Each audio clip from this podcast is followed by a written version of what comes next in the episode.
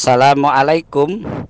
Untuk pemesanan paket umroh murah Bisa menghubungi 0821 4196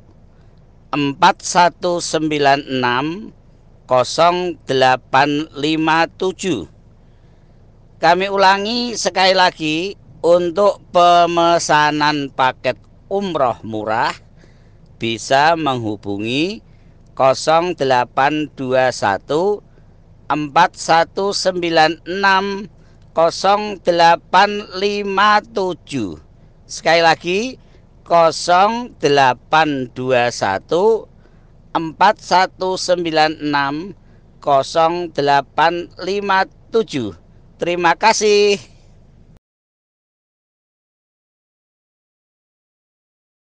Bagaimana hukumnya berjualan di mana ini? Di momen malam tahun baru karena pada saat itu sangat ramai akan calon pembeli.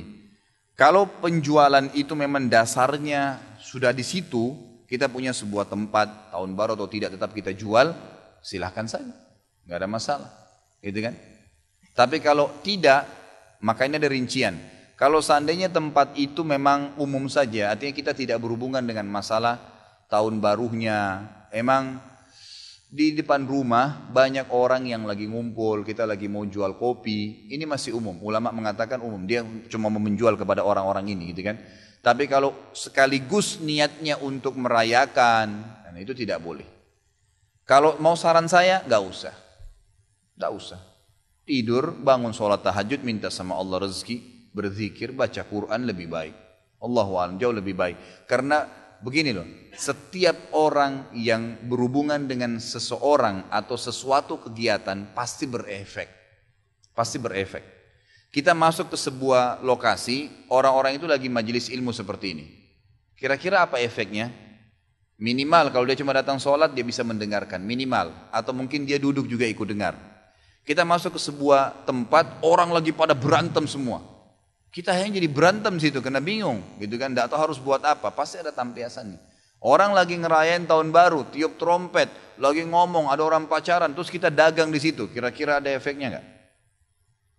Pasti ada efek. Minimal lihat auratnya orang, minimal dengar trompetnya, minimal ini dan minimal itu. Hanya karena kita mau jual berapa? 100 gelas kopi, gitu kan? Lebih baik di tablik akbar saya aja jual kopi nanti, gitu kan? Insya Allah dapat pahala. Apa yang baik dilakukan menurut Islam apabila ada perlu diadakan syukuran? Apa ini? Oh, apa apa?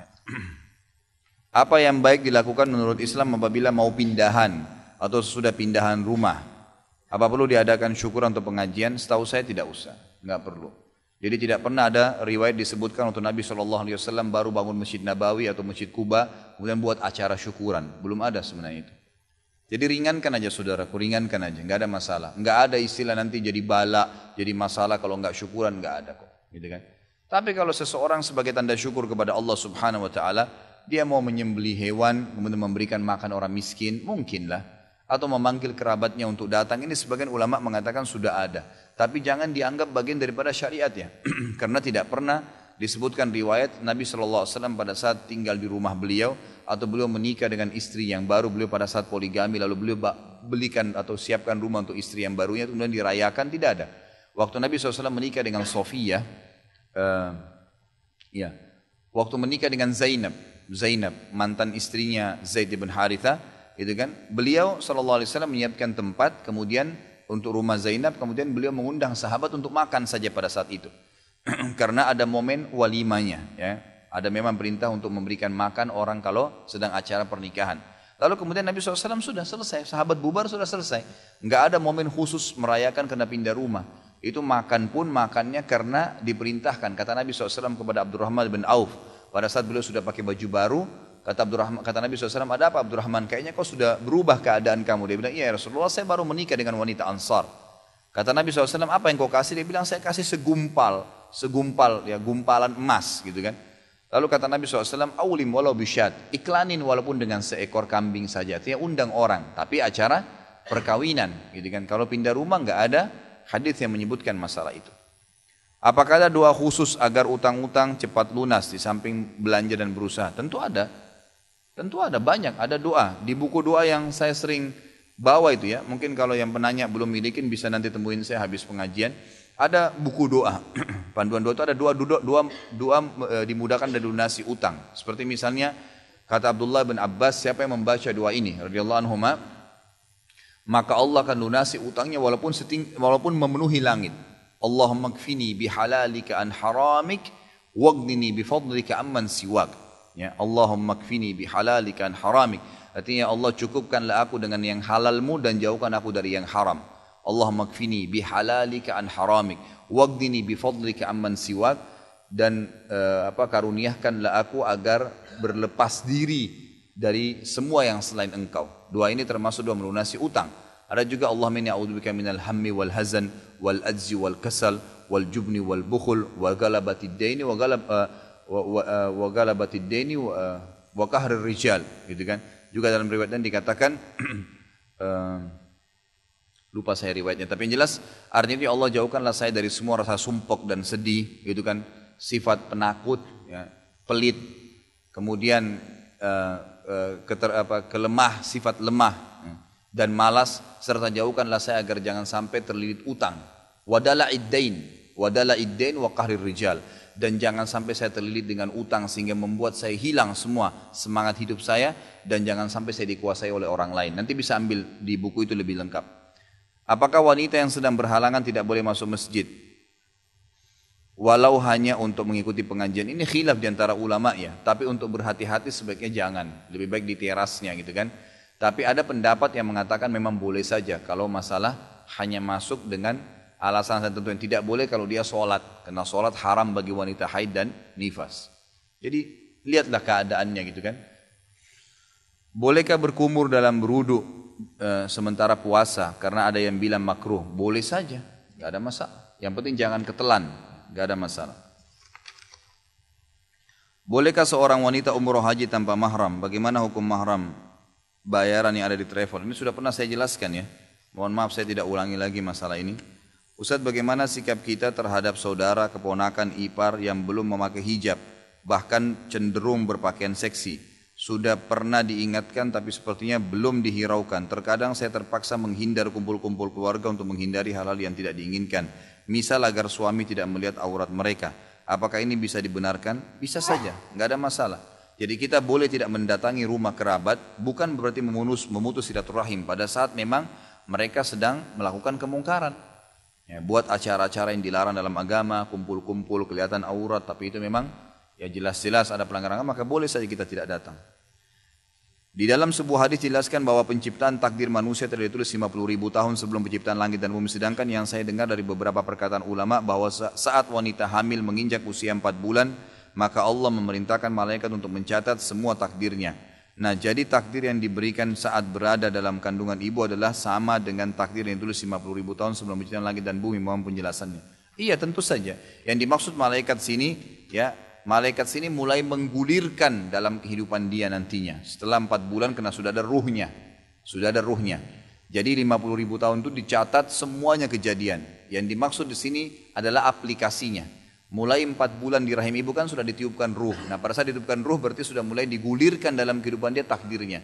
Sudah mulai ada jenyut kehidupan. Sudah mulai apa makanan apa yang dimakan oleh ibunya nanti disaring masuk ke tubuhnya itu sudah mulai takdirnya berjalan. Jadi pengguliran waktu apa aplikasinya. Kantor saya menyediakan fasilitas asuransi kesehatan untuk kesehatan uh, seluruh karyawan. Biaya asuransi sendiri tidak dibebankan ke karyawan. Bagaimana hukumnya menggunakan asuransi tersebut? Sebagian dijauhi saja. Allahu alam yang saya tahu ya, ini kalau mau dengar pendapat saya. Tapi kalau ada ustadz lain yang membolehkan silakan. Kalau saya lebih aman tidak memakai fasilitasnya. Karena masalah asuransi sendiri itu masuk dalam bab syubhat yang sangat jauh. Ya. Bahasan ulama sangat tegas masalah ini. Sama kasus pemerintah berencana untuk mewajibkan BPJS di seluruh masyarakat Indonesia. Bagaimana hukumnya Ustaz? Info yang saya peroleh rakyat yang tidak memilih BPJS tidak bisa memperpanjang SIM. Kalau itu keharusan maka diikutin diikutin dalam dalam waktu dalam arti kata kalau tidak diikutin maka berbahaya, tidak bisa. Diikutin tapi tidak dipakai. Itu yang saya tahu. Allahu a'lam. Diikutin tapi tidak dipakai fasilitasnya. Tapi kalau memang ada fatwa MUI, ada ulama yang memberikan tentu yang jauh lebih tahu dari saya silahkan. Kalau saya pribadi Allah alam saya masih melihat sama dengan asuransi umum dan sudah mungkin dua tiga kali di pertanyaan saya jelaskan panjang lebar tentang asuransi ya yang boleh dan yang tidak boleh. Apakah ada hadisnya dalam sebuah majelis ilmu diawali dengan tilawah Al-Quran? Tidak ada sama sekali. Ya, tidak ada sama sekali. Ya, tidak ada ya, disebutkan Nabi SAW memulai dengan Al-Quran. Dalam sebuah departemen biasanya akan diberikan jatah dana sejumlah sekian sesuai dengan pengajuan dana. Dalam waktu satu tahun, di akhir tahun dana itu berlebih sehingga dipakai untuk outing karyawan. Karena jika tidak habis, dana tahun depan dikurangin meskipun nanti akan dilaporkan bagaimana itu hukumnya. Bukankah ini juga termasuk perbuatan berlebihan? Ya tidak boleh. Semestinya dibuat uh, secara untuk dikembalikan. Ya, kalau memang ternyata anggaran diturunkan 100 juta dan kita cuma pakai 700 ya 75 juta misalnya dan itu memang sudah anggaran rutin 25 juta dikembalikan. Ya kalau dia alasan supaya tahun depan tidak dikurangin ya berarti permasalahannya adalah dia tidak jujur pada saat itu. Dan 25 juta itu tidak layak untuk dibagi nggak boleh nggak halal untuk pegawainya gitu kan? Hanya dibuat acara-acara yang tidak. Kecuali kalau memang yang memberikan dana instansi pemerintah pemerintah sendiri ataupun individual. Memang mengatakan pokoknya ini semua untuk pegawai terserah bebas mau diapain sisanya itu lain. Tapi kalau ini laporan nanti dibuatin laporan nanti rekayasa data gitu kan? Seakan-akan itu memang sudah masuk dalam anggaran tapi dibagi-bagi makanya tidak boleh. Haram hukumnya. Saat sedang wudhu setelah wudhu ada atau sholat saya sering merasa was-was karena keluarnya angin dari kubul dan dubur, tapi sering tidak berbunyi dan berbau. Sahkah sholat saya apabila keluar? Dan apakah keluarnya keputihan pada wanita membatalkan wudhu? Ini ada hadis Bukhari menjelaskannya, di mana Nabi SAW, eh, seorang sahabat mengatakan, Ya Rasulullah, saya kalau sholat kadang-kadang was-was, apakah saya keluar angin atau tidak? Kata Nabi SAW, selama kau tidak dengar suara dan tidak berbau, maka berarti ya, sah nggak ada masalah. Itu kan artinya memang itu cuma was-was biasanya. Kalau masalah tadi ini apa? Keputihan itu tidak batal, setahu saya Allah alam tidak batal karena itu memang cairan yang tidak di, tidak di tidak dianggap memang sengaja, bukan bukan cairan yang dianggap sengaja, bahkan lebih cenderung ulama mengatakan tidak najis. Allah alam. Benarkah doa kunut hanya sunnah Ustaz? Dan ternyata Rasulullah SAW tidak menyuruh untuk membaca dan kunut subuh. Ini sudah saya pernah jelaskan, sering saya jelaskan ya. Hadisnya dilemahkan oleh para ulama tentang kunut subuh dan yang disunnahkan adalah pada saat witir. Jadi lebih baik tidak dilakukan. Tapi kalau lagi sholat berjamaah dan orang lagi kunut, tidak apa-apa anda lakukan. Ya Imam Ahmad mengatakan lebih baik seseorang itu tidak sholat, ya lebih baik tidak sholat kalau seandainya dia sholat dengan imam yang kunut lalu dia tidak kunut. Jadi artinya jangan sampai dia gara-gara itu saja lalu dia menghindar. Tapi sekarang ada banyak pendapat ulama yang terakhir ini ya, ya eh, fatwa-fatwa para ulama yang bisa dipegangi fatwanya mereka mengatakan lebih baik seseorang itu kalau dia merasa tidak fitnah kalau tidak ikut maka dia tidak lakukan. Tapi kalau dia takut fitnah nanti malah dinilai buruk oleh orang lain maka dia niatkan untuk kunut nazilah. Masalah niat untuk sholat Ustaz kenapa ada yang bilang tidak usah melafatkan usul di farda? Lalu niat apa yang dibaca ketika mau sholat Memang tidak itu tidak pernah ada contoh dari Nabi Shallallahu Alaihi Wasallam, makanya kita tidak lakukan, makanya kita tidak lakukan, gitu kan? Pernahkah ada sebuah hadis dari Nabi SAW Nabi mengatakan kepada para sahabat kalau kalian mau sholat bacalah usolli farda salat duhur dan seterusnya. Belum pernah ada satupun riwayat. Semua bab sholat membahas masalah itu. Dan sudah pernah saya jelaskan ini hanya karangan dari sebagian orang-orang dari Al Azhar di Mesir yang mengatakan perlu menguatkan niat dalam hati dengan lafat, gitu kan? Tapi mereka mengatakan, ini pun teman-teman yang mengatakan mengucapkan usul di farda ini, mereka mengatakan ini adalah pelengkap niat dalam hati. Jadi kalau ada orang sholat, niat dalam hati mau sholat duhur, Allahu Akbar, dia lupa dengan lafaz lisannya, maka sah sholatnya. Tapi kalau ada orang mengatakan usul di farda sholat duhur, tapi hatinya nggak niat sholat, nggak sah. Gitu kan? Tapi jumhur ulama mengatakan karena tidak pernah ada hadis yang menyebutkan uh, lafaz niat dengan lisan, maka mengatakan niat dalam hati. Misal tadi anda mau sholat isya, Begitu imamnya Allah Akbar, kita terlintas mau sholat isya dan berjamaah. Selesai. Dan kita sudah tahu kita jadi makmum, tidak usah bilang lagi makmuman. Yang imam sudah tahu jadi imam, tidak usah lagi mengatakan imaman. Memang sudah begitu ya, yang harus kita lakukan. Kenapa ya Ustaz saya sering dengar ngapain sih baca Yasin pada malam Jumat? Saya tahu saya tahu si Ustaz baca Al-Kahfi lebih baik. Tapi memang salah kalau baca surah Yasin pada malam Jumat satu. Eh, pada malam Jumat mohon penjelasannya. Bukan salah, kalau seandainya Anda kebetulan baca dari Al-Baqarah sampai akhir, terlintas surah Yasin. Atau Anda memang lagi pengen baca-baca surah Yasin pada saat itu. Yang keliru kalau Anda tentukan setiap malam Jumat baca Yasin. Penentuan sebuah ibadah di waktu tertentu itu butuh dalil, butuh penuntun, gitu kan? Penuntun. Kalau Al-Kahfi jelas ada perintahnya, jelas ada perintahnya. Kalau ini tidak ada perintahnya, tidak ada hadis yang khusus menjelaskan baca Yasin di, di malam Jumat. Nah kalau kita kebetulan mau baca, pengen baca surah Yasin, ah umum saja gitu, bukan karena ditentukan malam Jumatnya, maka dibaca silahkan. Tapi kalau dihubungkan dengan waktu malam Jumat gitu kan, apalagi dengan tempat tertentu ini butuh dalil penjelasan, butuh waktu butuh dalil untuk menjelaskan. Jadi sebenarnya tujuannya ikhwas kalian bukan menyoroti surah Yasin ya. Jangan salah faham masalah ini. Tapi saya hanya ingin mengajak kita semua ini kembali kepada kemurnian ajaran Nabi Muhammad SAW. Apa yang beliau tuntun kerjain. Yang tidak ada tuntunannya jangan ditambah. Sedangkan yang sudah ada sudah banyak sekali gitu kan. Kalau kita akhirnya pilih Yasin daripada surah Al-Kahfi berarti kita meninggalkan yang lebih pantas gitu kan. Semestinya begitu. Jadi memilihnya di waktu malam Jumat ini butuh dalil yang menjelaskan. Teman anak ada yang bilang madhab syafi membagi bidah menjadi dua. Ada bidah hasanah dan maulid itu termasuk bidah hasanah. Jadi tidak apa-apa jika dikerjakan. Karena masih ibadah. Bagaimana menurut Ustaz dan apa saja itu bidah. Bidah itu kan Nabi jelasin dalam hadis yang jelas. Kata Nabi SAW, yang jelas hadisnya, kullu bid'atin wa kullu finnar, gitu kan. Kata Nabi SAW, semua bid'ah itu akan membawa pada kesatan dan kesatan akan membawa ke dalam api neraka. Saya masih bingung kalau ada orang yang mengatakan ada bid'ah hasanah. Bid'ah hasanah ini berarti bid'ah yang baik, gitu kan. Sementara bid'ah dari sisi definisi adalah sesuatu yang baru yang Nabi SAW tidak contohkan. Dan bid'ah ini rivalnya adalah sunnah. Ya, sampai ulama sepakat mengatakan siapa yang menghidupkan sunnah mematikan bid'ah. Siapa yang menghidupkan bid'ah berarti menghidupkan sunnah, gitu kan? Berapa banyak ikhwas kalian ibadah yang kita belum kerjakan. Kenapa kita harus susah nih ya buat lagi melakukan bidah apalagi dikatakan hasanah. Yang sunnah aja difokus kerjain istiqomah. Itu aja selesai. Pasti-pasti diterima gitu kan. Jelas-jelas ada dalilnya. Kenapa bukan ini yang kita fokus? Itu aja sudah banyak yang terbengkalai.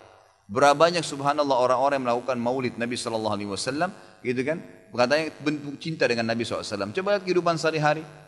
Jalani nggak sunnah Nabi Shallallahu Alaihi Wasallam, gitu kan? Jauh sekali sunnah Nabi. Bahkan ada yang tidak sholat hadir, gitu kan? Dan banyak sekali hal yang termasuk subhanallah pelanggaran karena yang paling penting Nabi Wasallam tidak pernah merayakannya, tidak pernah melakukan itu, gitu kan? Itu yang paling penting. Maka kita sebagai pengikut sejati beliau mengakukan, melakukan, tidak melakukannya juga. Kalau seandainya ada yang mengatakan tidak, saya harus melakukan, ya itu silahkan, hak anda. Saya tidak menyalahkan, silahkan saja. Saya menyampaikan apa yang saya ketahui dan saya cuma mengajak kepada kemurnian. Nabi SAW tidak contohkan, maka saya pribadi tidak kerjakan. Yang mau ikut silahkan, yang tidak mau Anda nanti bertanggung jawab sendiri di depan Allah Subhanahu Wa Taala. Yang terakhir adalah Ustadz benarkah ahli sunnah wal jamaah tidak pernah melakukan zikiran bersama setelah sholat di masjid? Uh, kenapa seperti itu Ustadz? Ya. Jadi yang saya tahu Allah alam memang Abdullah bin Umar menyebutkan dalam riwayat bahwasanya saya mengetahui sholat di masjid Nabi SAW sudah selesai dengan saya dengarkan suara zikir mereka. Dengan saya dengarkan suara zikir mereka maksudnya Nabi dan para sahabat. Jadi di zaman Nabi SAW itu zikir habis sholat bersuara sebenarnya, bersuara. Tetapi tidak dilakukan secara bersamaan. Gitu. Jadi misal Nabi SAW lagi baca ayat kursi, sahabat sana lagi baca al-ikhlas, sahabat sana lagi baca al-falak, yang sana lagi baca subhanallah 33, dibebaskan oleh Nabi SAW. Itu ada dalam hadis. Tapi suara mereka terdengar. Suara mereka terdengar, gitu kan? Kalau ada sekarang orang lebih memilih zikir dengan tidak mengeluarkan suara, gitu kan? Mungkin hanya dia saja yang dengar, itu adalah termasuk adab sebenarnya. Adab dan tata kerama agar orang-orang tidak terganggu dengan dia. Tapi intinya disunnahkan boleh saja orang mengeraskan suaranya dalam zikir habis sholat ya, tidak ada masalah. Ya, kita lihat kalau di saya, kalau selama saya pernah di Saudi tujuh tahun, setiap saya sholat di masjid-masjid yang ada di dekat-dekat rumah masyarakat itu pas habis sholat mereka pada baca la ilallah ada yang baca subhanallah baca ayat kursi tapi masing-masing secara individual karena membaca secara serentak berjamaah ini itu butuh panduan butuh tuntunan dari Nabi Sallallahu Alaihi Wasallam. Apakah Nabi SAW pernah menuntunnya? Yang kita temukan malah yang ada adalah riwayat Abdullah bin Mas'ud radhiyallahu anhu. Abdullah bin Mas'ud mengatakan pada saat dipanggil oleh Ubay bin Ka'ab dan di situ ada beberapa tabiin yang lagi berzikir yang pimpinannya mengatakan subhanallah anak-anak semua murid-muridnya mengatakan subhanallah gitu kan sambil mereka memegang batu dan memindah-mindahkannya. Maka Ka'ab bin Malik mendatangi rumah Abdullah bin Umar berkata, "Wahai Abdul wahai Abu wahai Abdullah bin Umar, kalau kau lihat ini pasti kau tidak suka." Karena ini tidak pernah ada di zaman Nabi SAW. Kata beliau Umar, apa itu? Silakan kau ke masjid. Ditemukanlah di masjid tersebut ternyata ada beberapa tabiin yang lagi berzikir sambil dituntun. Pimpinannya mengatakan subhanallah, yang lain pada itu subhanallah. Sambil rame-rame subhanallah, subhanallah, subhanallah, rame-rame gitu. Kata Abdullah bin Umar pada saat masuk, wahai kaum, kaum ini segelintir orang. Apakah kalian tidak khawatir azabnya Allah turun? Kaget Abdullah, eh, orang-orang itu pada kaget. Ada apa wahai Abdullah bin Umar? Apa yang kami lakukan? Kami sedang berzikir kepada Allah. Bagaimana bisa azabnya turun? Apa kata Abdullah bin Umar? Fahami pendapat beliau. Ini sahabat Nabi, gitu kan? Yang terkenal dengan sahibut ta'assi. Orang yang paling fanatik dengan Nabi SAW Abdullah bin Umar. Jadi apa saja dikerjakan oleh beliau, semua yang Nabi kerjakan gitu. Beliau mengatakan, sungguh bajunya Nabi SAW masih bisa dilihat dan dipakai. Artinya Nabi ini baru meninggal, bajunya aja sekarang masih ada. Panci-pancinya masih bisa dipakai, rumahnya masih bisa dihuni. Kalian sudah berani melakukan apa yang Nabi kalian tidak contohkan, gitu kan? Berarti akan datang azabnya Allah bukan karena perbuatan kalian, tapi karena tidak pernah nabinya contohkan. Artinya kalian menambah-nambah dalam agama ini. Jadi ini berbahaya sekali, gitu kan? Seseorang telah datang di depan Hasan Basri lalu sholat habis asar enam rakaat. Salam habis asar, sholat enam rakaat sunnah. Lalu orang ini begitu setiap mau salam, Hasan Basri mau ingatin, dia sholat lagi. Begitu selesai enam rakaat langsung ditahan sama Hasan Basri. Katakan, kenapa kau sholat habis asar? Dia bilang, wahai imam, dia tahu ini Imam Hasan Basri, ulama. Wahai imam, apakah Allah akan mengadab saya karena saya sholat? Apa kata Hasan Basri? Tidak. Allah tidak akan azab kau karena kau sholat. Tapi Allah akan azab kau karena kau melakukan apa yang nabinya nggak contohkan, yang merupakan ajaran dari Allah Subhanahu Wa Taala. Nabi nggak pernah contohin ada asar setelah asar sholat enam rakaat. Dari mana dasarnya kau lakukan? Gitu. Jadi termasuk dosa itu kalau melakukan apa yang Nabi SAW tidak lakukan dan kita cap itu bagian daripada agama seakan-akan kita masukkan ajaran baru di agama Islam yang sudah sempurna Allah bilang dalam Al-Maidah, "Al-yawma akmaltu lakum dinakum." Kata-kata akmaltu, saya sudah sempurnakan agama kalian. Kata ulama Ibnu Katsir mengatakan dalam tafsirnya, ini dalil nyata Nabi Muhammad SAW sudah menyampaikan semua ajaran agama Allah dan juga setiap muslim tidak perlu lagi menambah sekecil biji sawi pun dari ajaran agama ini. Cukup dengan yang ada saja. Selesai. Maka kita tidak ada lagi masuk ke syubhat, tidak ada lagi masuk ke ragu-raguan, lakukan apa yang sudah diperintahkan saja, titik maka itu akan membawa kita insya Allah ke dalam surga Allah SWT. Mungkin sampai sini ikhwas sekalian dan sekalian saya bahasakan kalau saya Rabu depan tidak bisa hadir, kita liburkan sekali pertemuan karena saya lagi bimbing umroh mulai besok subuh insya Allah dan balik nanti tanggal 4 Januari. Jadi insya Allah dua pekan dari sekarang baru kita ketemu lagi. Mungkin begitu dulu kalau ada benar dari Allah, kalau ada salah dari saya mohon dimaafkan. Subhanakallahumma bihamdika asyhadu an la ilaha illa anta astaghfiruka wa atubu ilaik. Wassalamualaikum warahmatullahi wabarakatuh.